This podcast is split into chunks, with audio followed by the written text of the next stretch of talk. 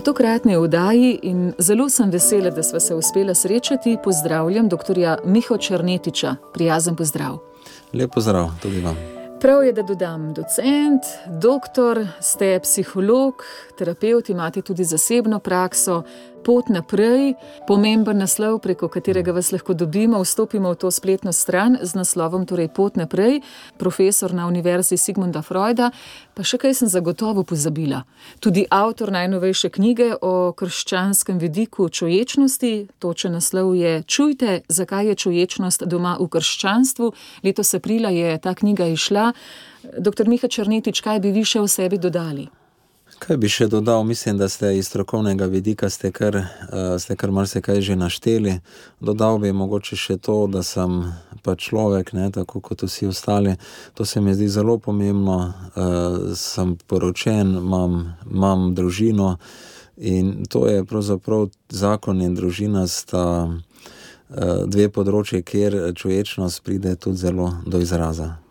In je tudi najbolj izzivana. Tako je, točno tako. Vsak dan znova, zato sem hvaležna, da se v zadnji oddaji iz cikla za življenje srečujemo prav z vami, ker si želim, da bi bilo več čuječnosti znotraj mojega doživljanja tega sveta in družbe, in tudi čuječnosti, ko prihajam v stik z drugimi. In zato vas vprašam najprej po tem nekem splošnem opažanju, dr. Miha Črnetič, koliko čuječnosti je med nami, kako vešči smo v tej spretnosti, ker gre za veščino. Čuječnosti se lahko učimo, so določene metode, koliko je, je med nami po vašem opažanju? Verjetno mislite v sodobnem času. Ne? Uh, nekdo je rekel, nekdo je zapisal nekje, da je čuječnost zadnje čase tako popularna, uh, ravno zato, ker je tako malo. Uh, ne, mogoče se nam včasih zdi, da smo zelo čuječni, ampak pravzaprav je ravno obratno. Ve, večino časa preživimo v nečuječnem stanju, ampak ker je, je uh, toliko obetov, čuječnost uh, zbuja, zato pravzaprav si vsi, vsaki ta pojem sliši, si želi, da bi ga ponotranil, da bi ga vnesel v svoje življenje. Tako da, če me vprašate, smo dosti premalo čuječni, kot pa um, bi lahko bili in kot bi bilo dobro za nas, da bi, da bi bili.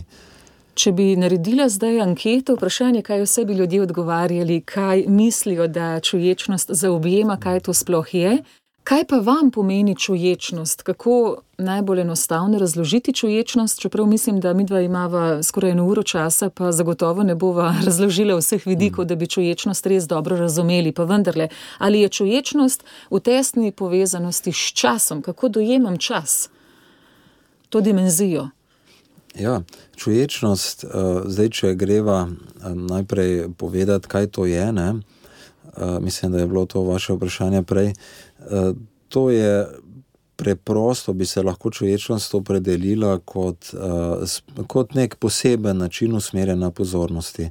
In sicer na tak način, da se zavedam tega, kar je prisotno v sedanjem trenutku, se pravi čas, ne osredotočenost na sedanji trenutek, da se zavedam, kaj je prisotno v meni, izven mene, okrog mene in seveda tudi v drugih ljudeh in da se zavedam tega na en poseben način, in to je s sprejemanjem, z, torej sprejemanjem brez presojanja, brez obsojanja. Pa to ne pomeni sprejeti vse, kar se dogaja, ampak sprejeti uh, doživljanje. Ne? Če sem, vem, slabe volje, da to sprejemam, da se ne delam, da tega ni. Uh, če je nekdo drug poleg mene slabe volje, da tudi to sprejmem kot neko dejstvo in potem od tukaj lahko gradimo naprej. Uh, se pravi, to ni nek uh, fatalizem, nek nihilizem, ampak uh, sprejemanje realnosti take, kot je, zato da lahko potem gremo tukaj od te točke naprej v še, v še kaj boljšega. Moj drugi poudarek pa je bil povezanost s časom. O, še kako tesno je povezano s časom, tudi to, kar govorimo, kar povezujemo s čuječnostjo. Ja, časovno je predvsem izstopa ta uh, usmerjenost v sedanji trenutek. Ker ljudje veliko smo v preteklosti, razmišljamo o tem, kaj, nam, kaj nismo naredili prav v preteklosti, ali pa neke krivice, ki so se nam zgodile. Uh, dosti, dosti krat to vlečemo čez celo življenje naprej, in so to neki tako težki kufri, ki jih brez potrebe nosimo, ampak jih nekako ne znamo odložiti. Uh, s čuječnostjo smo v tem trenutku, ne? v tem trenutku pa ugotovimo potem, da že zdavnaj mogoče tiste krivice, tiste težke stvari, ki so se nam v preteklosti zgodile, da jih zdaj več ni in da lahko odložimo. Ampak ne, je včasih moramo to zavestno narediti, pa še kaj predelati mogoče. Poleg tega ljudje smo radi tudi v prihodnosti. Živimo v prihodnosti v nekih načrtih, kako bo, ko bom ne vem, to, ono, tretje, kako bo, ko bomo v penziji, če ne drugega. Eh, tudi zdaj, eh, v tem času, pred eh, prihodom novega leta, mogoče delamo načrte, kako bo novem letu, ne vedno si rečemo, da bo pa vse drugače. No, jaz si zdaj ne rečem več tega, zato ker vem, da če sem preveč ambiciozen v načrtih, potem sem toliko bolj razočaran na koncu leta, ko delam obračun. Ne, tako da dobro je imeti nekaj neke take realne načrte in jih začeti uresničevati kar takoj, že pred novim letom. Ne, to je tista prava čuječnost, uh, ker živimo lahko samo v sedanjosti, v tem trenutku. To je tisto, kar nas čuječnost vedno znova opozarja. Uh, načrti so lahko super, uh, kaj bom januarja, februarja, ampak niso, ni pa realno. Ne? Realnost je zdaj tukaj in zdaj. To je tisto, kar eh, se ne da pre, pre, pretirano naglasiti v človečnosti. Če bi iskali nek skupni imenovalec tistega, kar ljudje najbolj obžalujemo, je verjetno prav občutek, da smo zamudili, da smo životarili, da so bila leta, ki so minila, pa jih nismo izživeli, ne doživeli. Zdaj je pred nami neko novo obdobje, ko ga začenjamo, si vedno zadamo neke načrte in si rečemo, te, to leto bomo pa doživeli, zdaj bom pa v polnosti prisoten, ne bom obžaloval, ampak bom izkusil. Ampak kot ste rekli, ko se le, leto sklene, pa vidimo, da smo znova ponovili ta krok nesojenega, znova smo padli, znova nismo kaj storili, kar se želimo. Skratka, zakaj se ujamemo v tem ponavljajočem se toku? Je to prav tako povezano, ker nismo usvojili te spretnosti čuječnosti, ker se je nismo naučili že dokaj zgodaj in se potem kar vrtimo, kar vrtimo v nekem podobnem ali celo istem scenariju. Ja, jaz niti ne vem, koliko se ujamemo a, v ta krog, ker če jaz delam načrt, je to sicer lahko zelo fajn, da vem, kakšna je moja pot naprej, ne? da vem, kaj bom, v kakšno smer moram iti, pa kakšne aktivnosti moram početi, da me bo pripeljalo do cilja. Ampak to še ni realnost, to je samo nek zemljevid. Nekaj čist drugega pa je, da bom jaz potem res šel na pot, pa hodil po tem zemljevidu. Načrt je samo zemljevid. Eh, ne smemo si delati iluzij, da da se bo ta načrt kar avtomatsko pretvoril v uresničitev in da bomo kar avtomatsko dosegli uh, potem te cilje, ki smo si jih zastavili. Dosegli jih bomo lahko res samo, če bomo v sedanjem trenutku, tukaj in zdaj, naredili tisto, kar, tiste korake, ki so v vsakem trenutku potrebni, da nas pripeljejo do tistega cilja. In ti koraki so običajno. Eh, niso tako visoko leteči, ampak se nam včasih zdijo lahko zelo banalni, pa nam je tečno, pa zakaj moram zdaj eh, tele, eh, tole, tole čistiti tla, pa, pa te smeti odnašati. Ampak ne, to je tisti korak, ki je v tem trenutku mogoče nujen, zato da dosežem cilj, da bom imel lepo, urejeno, čisto sijoče stanovanje. Še več takšnih zelo konkretnih stvari bova, upam, da skušala nanizati v toku najnega pogovora. Dr. Miha Črnetič, omenila sem že uvodoma vašo knjigo. Čujte, zakaj je čuječnost doma v krščanstvu. Aprila letos je ta knjiga išla, priporočamo obranje. Zakaj se vam je zdelo smiselno, da spregovorite prav o čuječnosti v krščanstvu? Ali ste dobili tudi kot profesor na univerzi Sigmunda Freuda veliko tovrstnih pomislekov, da je pa čuječnost povezana z neko drugačno religijsko navado? No, mogoče samo, da ne bodo poslušalci uh, iskali za manj. Ta knjiga je išla v angleščini, uh -huh. uh, prevod se je v načrtu, no, ampak zaenkrat ga še ni. Uh, in ta knjiga je brezplačno dostopna na spletu, uh, na angliški naslov je Watch. In kdorkoli želi od poslušalcev, se jo lahko tudi takoj presname. Uh, je pa pravijo, no, da je lepo berljiva, tako da mislim, da tudi za angliščino ne bo nekih težav. Zdaj, zakaj, ne, zdaj pa že odgovarjam na vaše vprašanje, zakaj v angleščini? Zato, ker je um, to aktualno v, v svetovnem eh, merilu. Eh, kolikor jaz vse poznam in sledim tokovom na področju človečnosti v psihologiji in psihoterapiji, je presenetljivo, presenetljiva oskost uh, na tem področju. Uh, že kar ne vem, 50 let nazaj ali še več, je, kar so na zahodu preko budizma odkrili človečnost. Uh, ampak pravim preko budizma. Vsi se strinjajo, da človečnost je neka lasnost, neka zmožnost, ki jo imamo vsi ljudje. Ne glede na kulturo, ne glede na religijo, tudi neverni jo imajo. Tako da ne, prišla je v, v zavest zahodnega človeka, je prišla preko budizma. To je dejstvo. Ampak kaj to pomeni? Da je po svoje škoda, da je moralo preko budizma to, to priti, eh, ker se veliko ljudi sploh ne ve, da imamo tudi v naši zahodni kulturi, tako po filozofskih tradicijah, kot po, kot po uh, duhovnih tradicijah, imamo to že vse čas tudi v naši kulturi.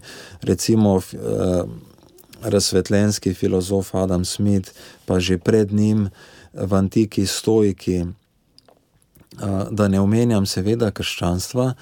V krščanstvu je človečnost že od samega začetka zelo močno prisotna, pravzaprav je eden od temeljev krščanstva. Sam Jezus je, ko je začel javno delovanje, je, je takoj začel o tem govoriti.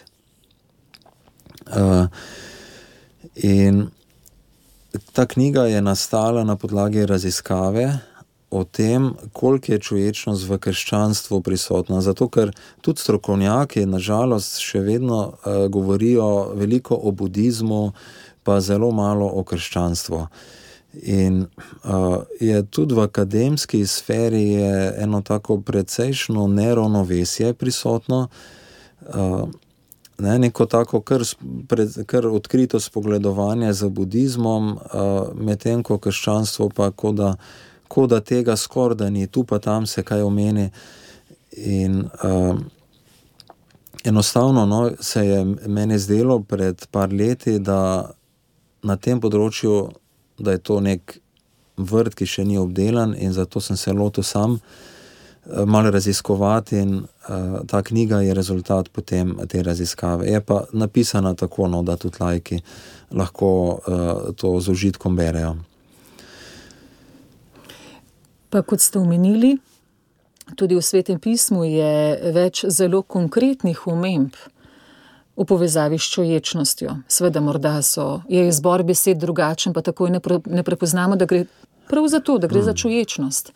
Ja. Lahko navedete pa teh primerov, ki se vam zdijo najbolj istopajoči in ki jih pozna verjetno prav vsa. Eh, krščanska srednja, bom tako rekla, vse ja, občestvo. Ja, tako, ja, ja, poznajo, poznamo, ampak uh, nismo vajeni razmišljati, da je to človečnost.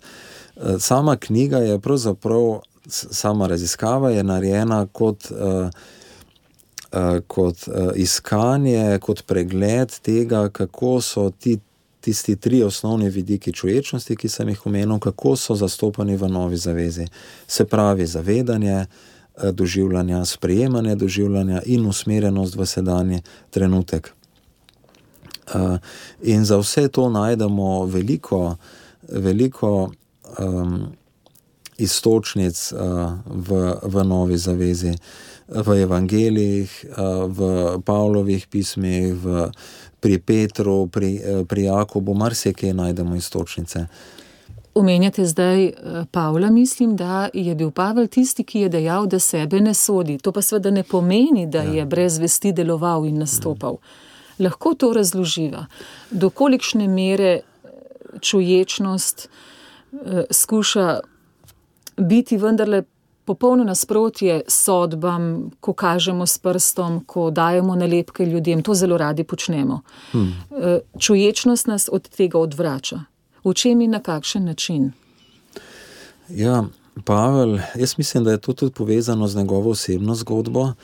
On je bil meni je zelo blizu, um, apostol, apostol Pavel, ja. zelo mi je blizu, me navdihuje in uh, se mi zdi, da je po svoje bil ena taka. Um, Ne bom rekel tragična figura, ampak njegovo življenje ne, ni bilo pravzaprav nič bleščečega. Ne.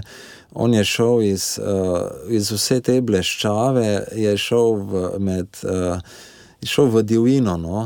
Uh, ne, je, je ne vem, pešačo po, skoraj po celem tedanjem znanem svetu in trpel lahko to žejo, pretepali so ga, bičali, ne vem, kaj vse se to samo opisuje. Tudi, um, in uh, Ja, in njega so, marsikdo ga je sodel, so ga obsojali zaradi njegovega preteklega življenja, verjetno je tudi sam uh, čutil neko to težo, te, te, te svoje pretekle krivde. Potem obsojali so ga, ker se ni čisto strinjal z uh, teološko usmeritvijo nekaterih drugih, recimo tistega bolj jeruzalemskega kroga. Uh, ne, hodil je neko svojo pot ne, in on tudi takrat najbrž si ni mislil, da, bo, da ga bomo po celem svetu tako obrajtali, ne, zdaj po, po 2000 letih.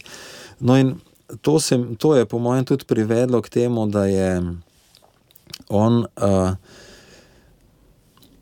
da je uh, kako ne zdaj da ne bi ga želel soditi, kaj je on intimno pri sebi, ampak eh, sem prepričan, da je, da je uspel nekako na Jezusa preložiti to svoje preteklo življenje, ko je preganjal kristjane in da je uh, imel to zavez, da mu je odpuščeno.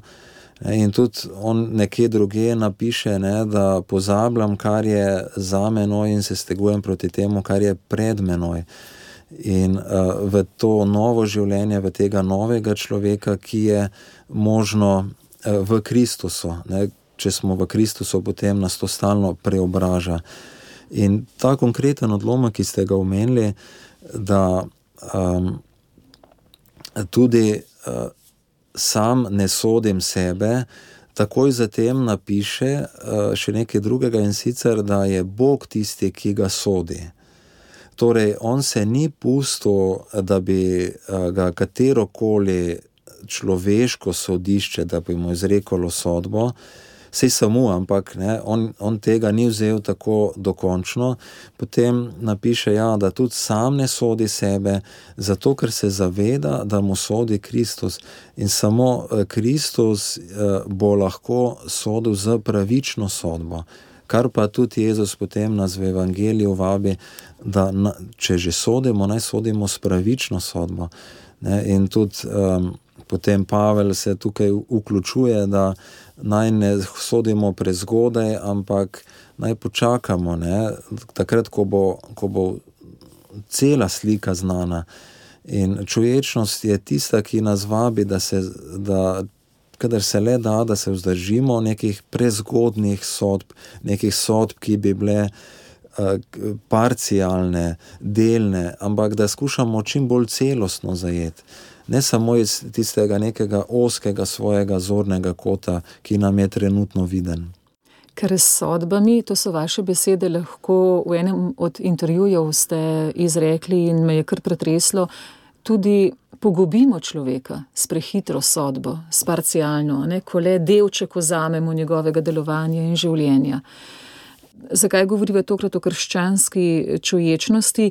Pravite, gre za to, da smo opolnomočeni, da smo v polnosti v tem trenutku, da ne sodimo niti sebe prestrogo, ampak vendarle imamo pa neko željo delovati pravilno, pošteno, ja. humano, To se pač ne izključuje, ker radi tako na prvo žogo mislimo. Je že vse prav, tako kot je bilo, to se je pač zgodilo, že nek višji namen. Se veste, te floskole si ljudje radi v to lažbo izrekamo. Mm. Ja, v Novi zavezi, če gledamo grški izvirnik, obstajata dve besedi. Ena je beseda za, za obsojanje, sojanje, druga je pa beseda za razločevanje. In ne, spet se vračam k Pavlu, nekje piše, da duhovni človek vse razločuje. Torej, razločevanje je zelo pomembno. In razločevanje je tisto, kar je blizu človečnosti, obsojanje pa ne. Obsojanje je pa nekaj, kar je nasprotje človečnosti. In ja, potem nekateri pač to razumejo preveč preprosto, da vse, karkoli kdo naredi, da je ok, ne? in to je potem se poveže z, dosti krat imajo taki ljudje uh, neko to mentaliteto relativizma, ne? tega moralnega relativizma in tako naprej. Uh, in ne, vse je objektivne, absolutne resnice ni, in, in tako naprej. In tukaj res potem se ta način, ki je sicer zgrešen, ta način razumevanja človečnosti se nekako zelo lepo vklopi, ampak veste, to ni človečnost.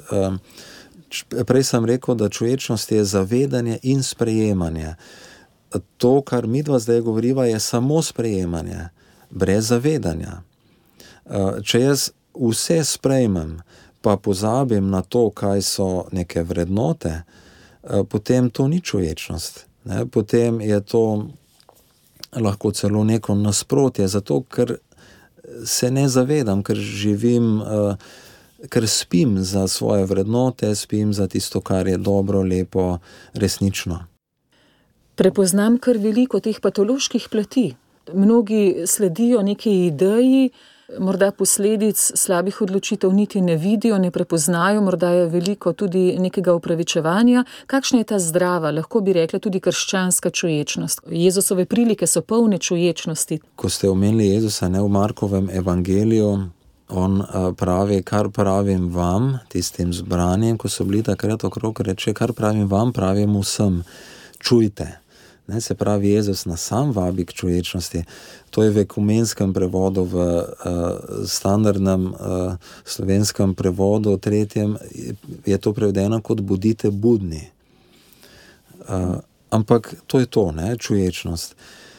Zdaj, tista toksičnost, uh, zdaj, jaz ne bi rad, da gremo mi dva zdaj v neko obsojanje, ne, ampak je zanimivo to, da ko se je čuječnost vidim, da ja, je prisotna po svetu v najrazličnejših kulturah. Eh, Mar se kje jo najdemo, verjetno v vsaki kulturi, ker je to pač neka zmožnost, ki jo ljudje imamo, ampak v vsaki kulturi se nekako na svoj način potem odraža. In v tej naši zahodni kulturi, potrošniški, eh, jaz pravim, se odraža pač na tak potrošniški način, na tak popreproščen, poenostavljen uh, način, kjer um, je človek in njegov trenutni užitek, njegov, njegova trenutna korist, to je dosti krat merilo. Ne, in potem ljudje pač na tak način tudi vidijo človečnost. Se pravi, uh, ne, da jim zdaj uživati. Um, da imamo imeti čim več od tega trenutka, ne, brez uh, tega, da se preveč obremenjujemo s posledicami, s tem, kaj bo, ali pa s tem, kar je bilo. Ampak zdaj, če smo celostni, ne, potem bomo videli, da tisto, kar smo v preteklosti počeli, ali pa ne počeli, da to ima še kako posledice tudi v sedanjosti.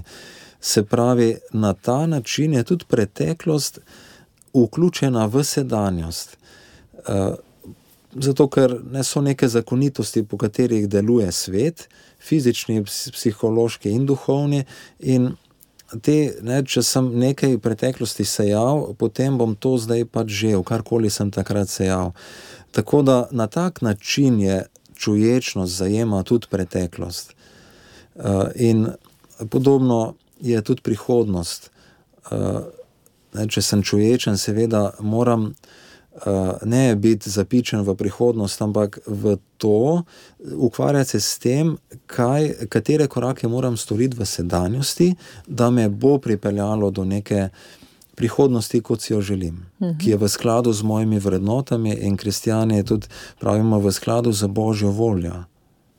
Čuječnost eh, je torej polno zavedanje vsega, prijetnega, neprijetnega, tistega, kar boli, tistega, česar se veselim, to je zavedanje, torej nekih izkustev, nekega doživljanja v polnosti. Ampak vsako doživljanje verjetno človeku sproži, zakaj je do tega prišlo, če mi je ne ljubo, kako se temu izognem. Čuječnost, skratka, terja delo, nek premislek, vedno znova ali, ali kako.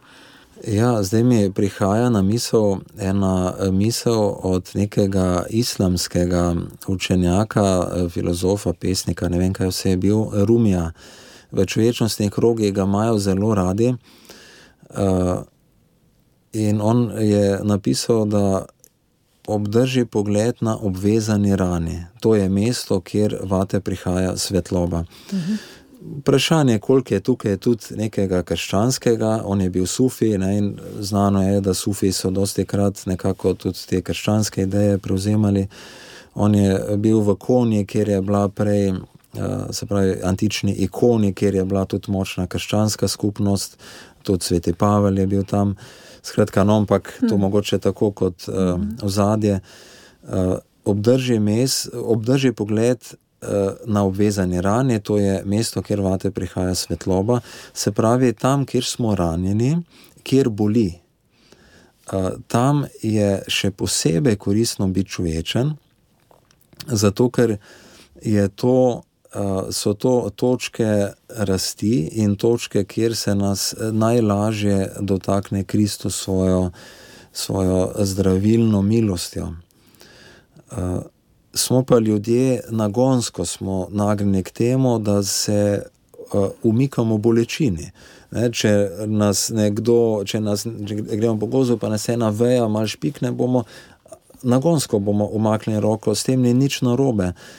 Ampak, ko pa se začnemo preveč umikati bolečim temam, sploh na psihološkem področju, uh, ne, ko ti obrambni mehanizmi postanejo pre, premočni, preobsegajoči, pre, preobsegajoči, preveč rigidni, potem pa, um, potem pa se te rane, ki so spodaj, ne morejo zdraviti. Uh, je kot da bi se dali v nek oklep, in z oklepom na sebi je težko biti. Um, je težko biti nežen, uh, pristen, uh, spontan, ranljiv. Ne, in težko se je, poz, se je pozdraviti. Vemo, da tudi rana, če imamo, kaj bi rekel, če imamo predolgo flajšter gor, ne, uh, potem se bo ta rana več dolgo, dlje časa zdravila, kot če bi ga imeli samo toliko, kar je res eh, treba, potem pa da je nekako, da pride zrak in vse zraven. Ne. Ne, nisem zdravnik, mogoče sem to narobe razložil. Ne, ampak dobre prispodobe razumemo, ker zdaj, ko so bili prazniki, še vedno so, ampak ob božičnih praznikih pogosto sedemo skupaj so družbe. Lahko pridem izredno dobre volje, ljubeč do vseh, ampak nekdo nekaj stori ali ne, nekdo nekaj reče, morda na robe obrne, in mi smo v trenutku kot politi. V trenutku se spremeni naše razpoloženje, tista spontanost, neko zaupanje, da se v ljubečem okolju splahni. Ali je to to, ta pretiran uklep, torej pretiran čustven odziv. In takrat čuječnost niti zraven ne pride, jaz sem pa vsem preplavljen, potem s, s tem doživetjem želiš si pa ne, iti preko. Ljudje reagiramo uh, v odnosih, da nekdo naredi nekaj, kar v nas sproži nek, uh, neko vsebino iz preteklosti. In v takih primerih, ko reagiramo uh, zelo močno na neke, neke dogodke, ki so tako precej uh, benigni, se pravi, ki so dosti nedolžni. V takem primeru ja, nam lahko koristi, da smo čuječni in sicer na tak način, da se, upra, da, da se zavemo najprej, ne si rečemo, poglej, jaz sem zdaj na nekaj, kar je mogoče čist neškodljivo, sem reagiral tako močno in me je tako nekako vrglo čist v neke druge, v neka druga občutja. Um, očitno sem reagiral na nekaj iz preteklosti, očitno se je nekaj uh, iz moje notranjosti pokrenilo, vzbudilo. In uh, če sem še naprej potem čuječen tukaj, potem bom, bom, bom mogoče prišel še do kakšnih spominov, uh, misli, občutkov, mogoče tudi v telesu ali pa na čustvenem področju. Skratka, hm. bodo stvari začele hm. prihajati še naprej hm. in bom mogoče ugotovil, uh, s čim je to povezano. Hm. Kje je pravi vzrok? Ja. Koliko časa ste se vi tega učili?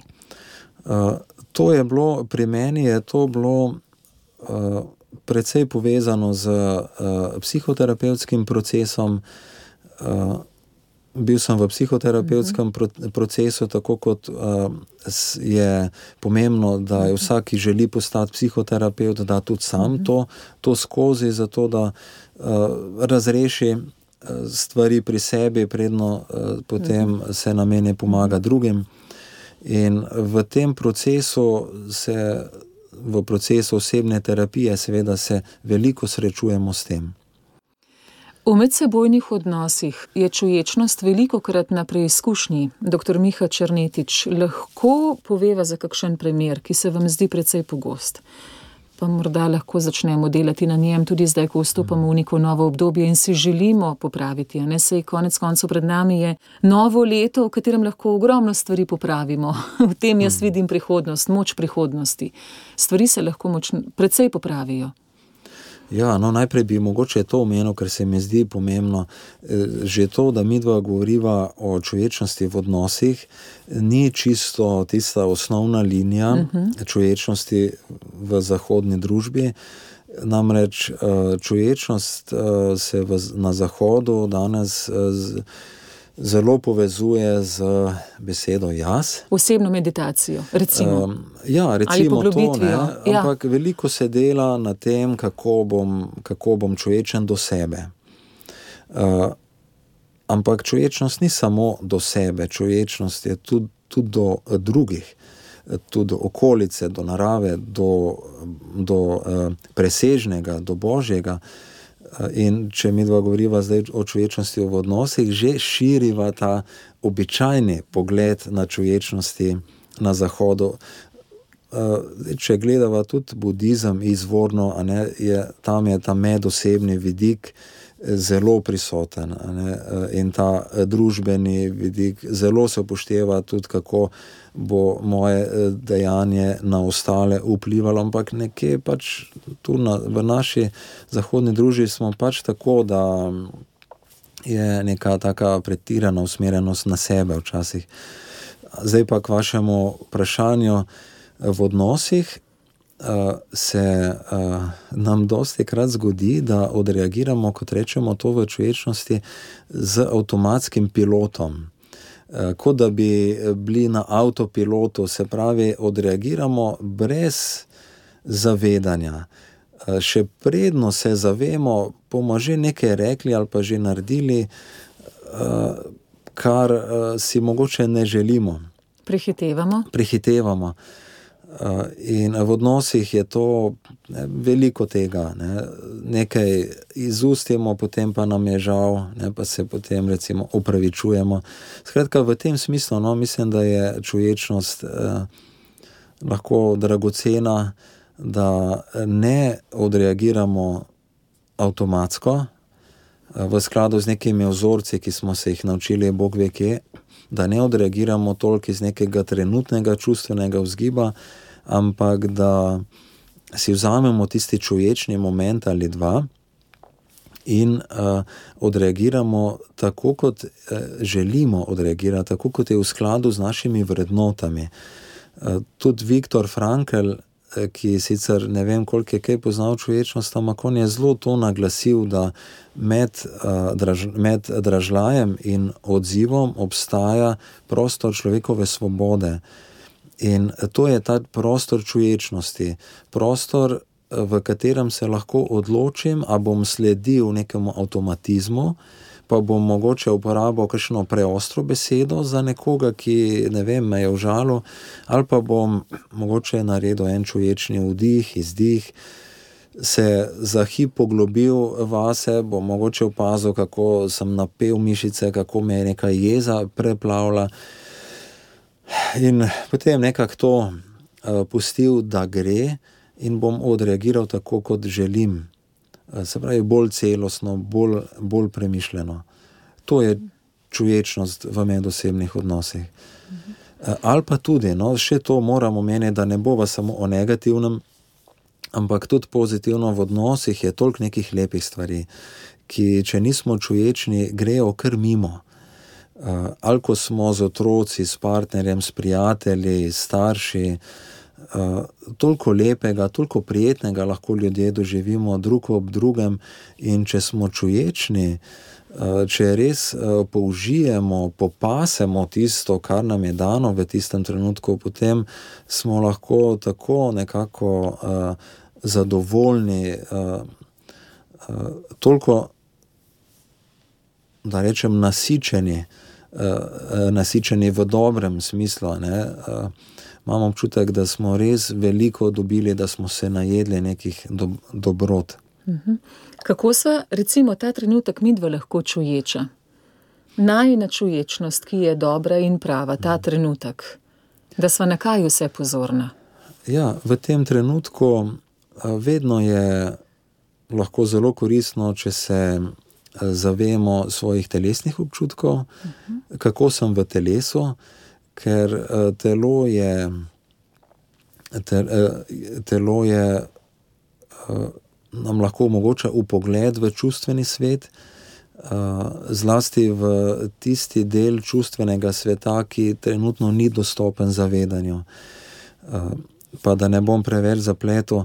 Skratka, zdaj le se lahko mi dva zaveva, kako smo v telesu, kakšni so občutki, ali je kakšna napetost, ali je mogoče kakšni prijetni občutki, toplina, ali nam je udobno.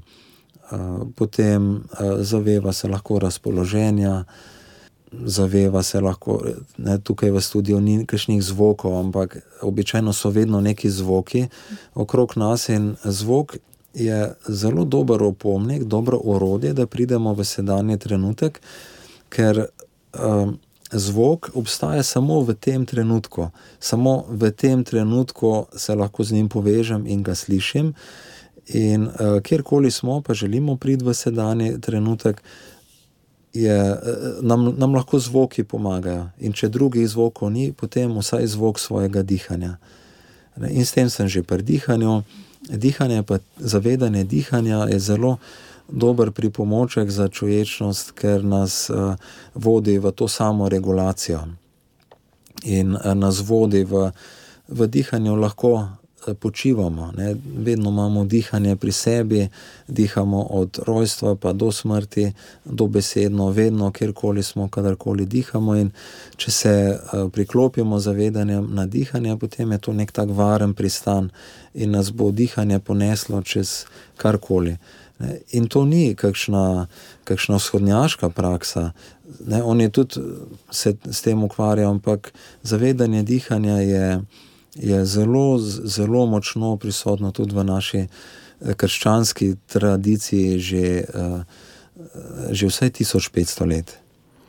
Samo negovali nismo te ja, tradicije, ja. morda je ne vnašali v vsakdanjost življenja, vendar se je treba zavedati, da so bila stoletja popolno drugačnih življenj, načina življenj kot danes. No, danes so pa potrebe znova očitno po čuječnosti, po zavestnem dihanju, da smo bolj prisotni tu in zdaj in da se zavedamo tudi vsega tega božjega, kar je okrog nas. Če govoriva o čuječnosti kot o nekem izkustvu trenutkov, Sej, kdaj so prazniki najlepši? Takrat, ko ujamemo te trenutke, ko smo res čuječi, kot ste rekli, ko slišim en prijeten nasmeh otroka, se zavem nekega prijetnega pogovora, dveh, mene z nekom, To so ti trenutki, ko res zaobjamemo vse, ko mi diši, ko je zven pravi, ko je razpoloženje lepo valovi. Je to ta čuječnost in ti čuječi trenutki so pravzaprav tisti, ki oplajajo praznik, kakršnega si želimo in ga tako idealiziramo, ne ga povezujemo s toplino. Vse je tako čarobno, ampak vse je povezano z lepoto. Ja, tukaj bi imel več misli. Ena misel je, da praznik, kot že ime pove, je čas, ki je prazen. Danes se ga včasih ne znamo narediti praznega, ampak včasih so to vedeli, da takrat se ne dela. Takrat je praznik in potem v to praznino pride, naj bi prišlo nekaj, kar je še pomembnejše od dela. In kaj pa dejansko pride v to praznino? Včasih um, ne, se zdi ljudem, da, da je treba, ne vem, potico, pa ne vem kaj vse, pa lučke, da se s tem napolni to praznino, ampak to, je, to lahko sicer pomaga, ampak to ni tisto glavno, ne. Ker uh, samo od potice še ne bomo srečni, ne, ali pa ne bomo dolgo srečni. Tisto, kar potem pride, je, so tudi odnosi, ko se, ko ne delamo, imamo več časa za odnose, družine pridejo skupaj. In to pa pomeni, da tudi takrat bolj pride do izraza tisto, kar je v naših odnosih. Dobro in tisto, kar je manj, manj prijetno.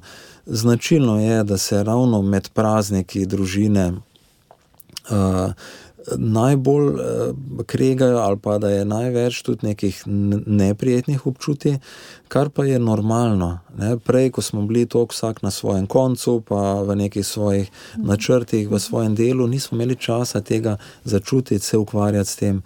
No, in tu bi bila potem tudi moja naslednja misel, da imamo stvari vzeti take, kot so. Uh, to, če, uh, ne, se prazniki napolnijo, z to našo realnostjo odnosov, da imamo to vzeti kot priložnost, da vidimo, kaj se je nabralo. Uh, dobrega in tudi malo manj dobrega, kaj je tisto, kar bi bilo treba nekako sprocesirati, predelati, urediti, kaj bi bilo dobro v odnosih narediti, da bi uh, prišli na čisto, ali kako temu rečemo. Eh, ne se ustrašiti tega, ko začnejo neke nerazrešene stvari, neke zamere, ne vem kaj prihajati ven. Ne, včasih je tudi eh, to, da vsak ima neko svojo vizijo in željo, kako preživeti praznike, in uh, se malo krešemo potem tukaj. Ne, včasih je že to dovolj, da se uskladimo. Ampak to so vse načine, kako se tudi povezujemo med sabo, ne, kako iščemo pot drug do drugega, in prazniki naj bi bili tu čas, ko naj bi svoje odnose utrdili. Ker vemo, da potem, ko bo v prazniku konec, bomo imeli manj časa za, za odnose. In če bomo si med prazničnih dneh nabrali nekaj teh zalog, da se napolnimo odnosne baterije, potem bomo lažje šli naprej.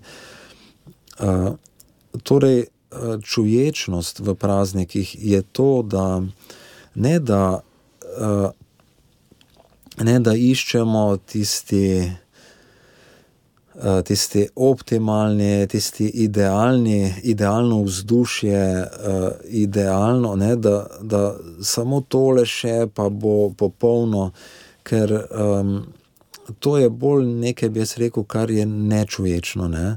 Čuječno je, da se zavemo tega, kar je in takšno, kot je, in da sprejmemo to na tak način. Eh, ker če bomo si v svoji glavi ustvarjali neko idealno podobo praznikov, eh, da mora biti točno tako, kot jaz želim, eh, potem tega ne bomo nikoli doživeli in bomo v bistvu živeli v neki svoji imaginarni prihodnosti.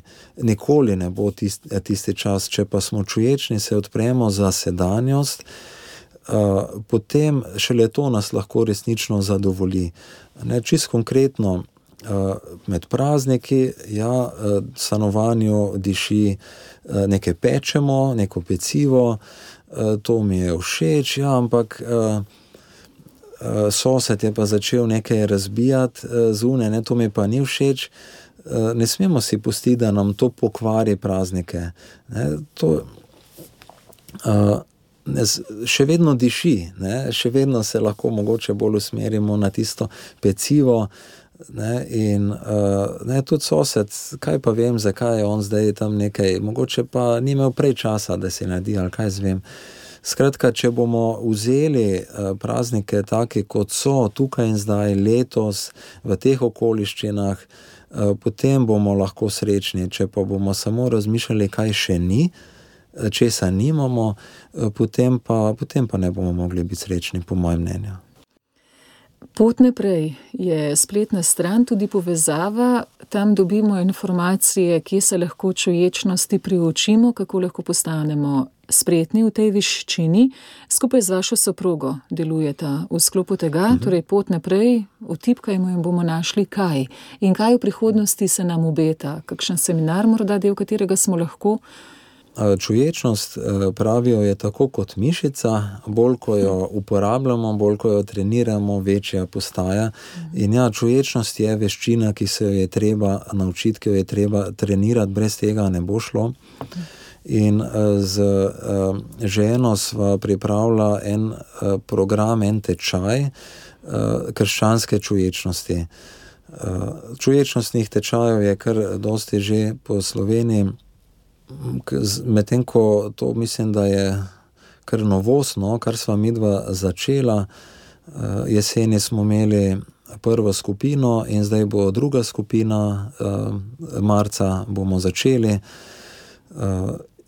Tako da, če koga zanima od poslušalcev, kako v svoj krščanski okvir na konkreten način vnašati in trenirati čuječnost, se pravi, da tam dobijo čisto konkretne vaje, ki jih, ki jih vadijo doma, kako to čuječnostno mišico utrjevati, krepiti v povezavi z krščansko.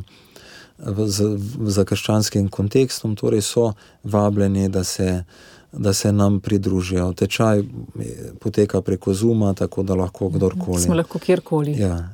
Dr. Miha Črnetič, psiholog, tudi v zasebni praksi ste terapeut, delujete sicer, predavate na Univerzi Sigmunda Freuda. Danes sva govorila o krščanskem vidiku čuječnosti, ker je išla letos aprila tudi vaša knjiga, sicer v angleščini, v prevodu Čujte, zakaj je čuječnost doma v krščanstvu, če jo bodo naši poslušalci iskali, torej v angleškem prevodu Watch jo bodo tudi našli in priporočamo branje. Čuječnost je torej temelj krščanske vere, to z gotovostjo lahko rečemo. Vi ste tudi v tej knjigi nanizali številne dokaze, ob sklepu, ob vsem tem, kar je bilo že izrečenega, pa neka misel, ki povzame vse. Kako več uječnosti v tem trenutku, v teh prazničnih dneh, ki sledijo nocoj, ko bo novo leto za večjo mirnost v sebi, se iz čuječnostjo si predstavljam, se tudi umirjam. Je ta umiritev ob enem pa zelo polnost živosti. Kako to storiti, da bo tega več v meni in več tudi v odnosih z drugimi? Čemur so prvenstveno te vdaje tudi namenjene? Ja, zagotovo čuječnost uh, prinaša več življenja v naše življenja. In jaz mislim, da, da je to smisel sploh, zakaj biti čuječen. Mm -hmm. Na misel mi pride, če bi bili vseh svojih trenutkov tako čuječni, kot smo čuječni, ko odštevamo na Silvestrovo ja. do polnoči, potem se. Bi bili kar na dobri poti. Tako, potem smo na zelo dobri poti. Tako da sliši se preprosto, ampak tako je, ne? treba je to spraviti v, v življenje, uh, biti čim bolj tukaj in zdaj v takšni realnosti, kot je zdaj, zavedati se tega na ta sprejemajoč, eh, eh, neobsojejoč način. Eh, to in iti naprej, trenutek po trenutek, v vsakem trenutku odkrivati smisel tistega trenutka. Vsak trenutek ima svoj smisel in s čuječnostjo ga lahko pomagamo odkrivati in izpolnjevati. In to je gotovo tisto, kar nas nas pelje do sreče v življenju. Gostili smo dr. Miho Črnetiča, pogledajte pa na splet Pot naprej in vam želimo čuječnosti v novem letu. Boste videli, kako lepih sadov bomo deležni. Hvala za pogovor in vse dobro tudi vam. Ja, hvala enako tudi vam. Za življenje.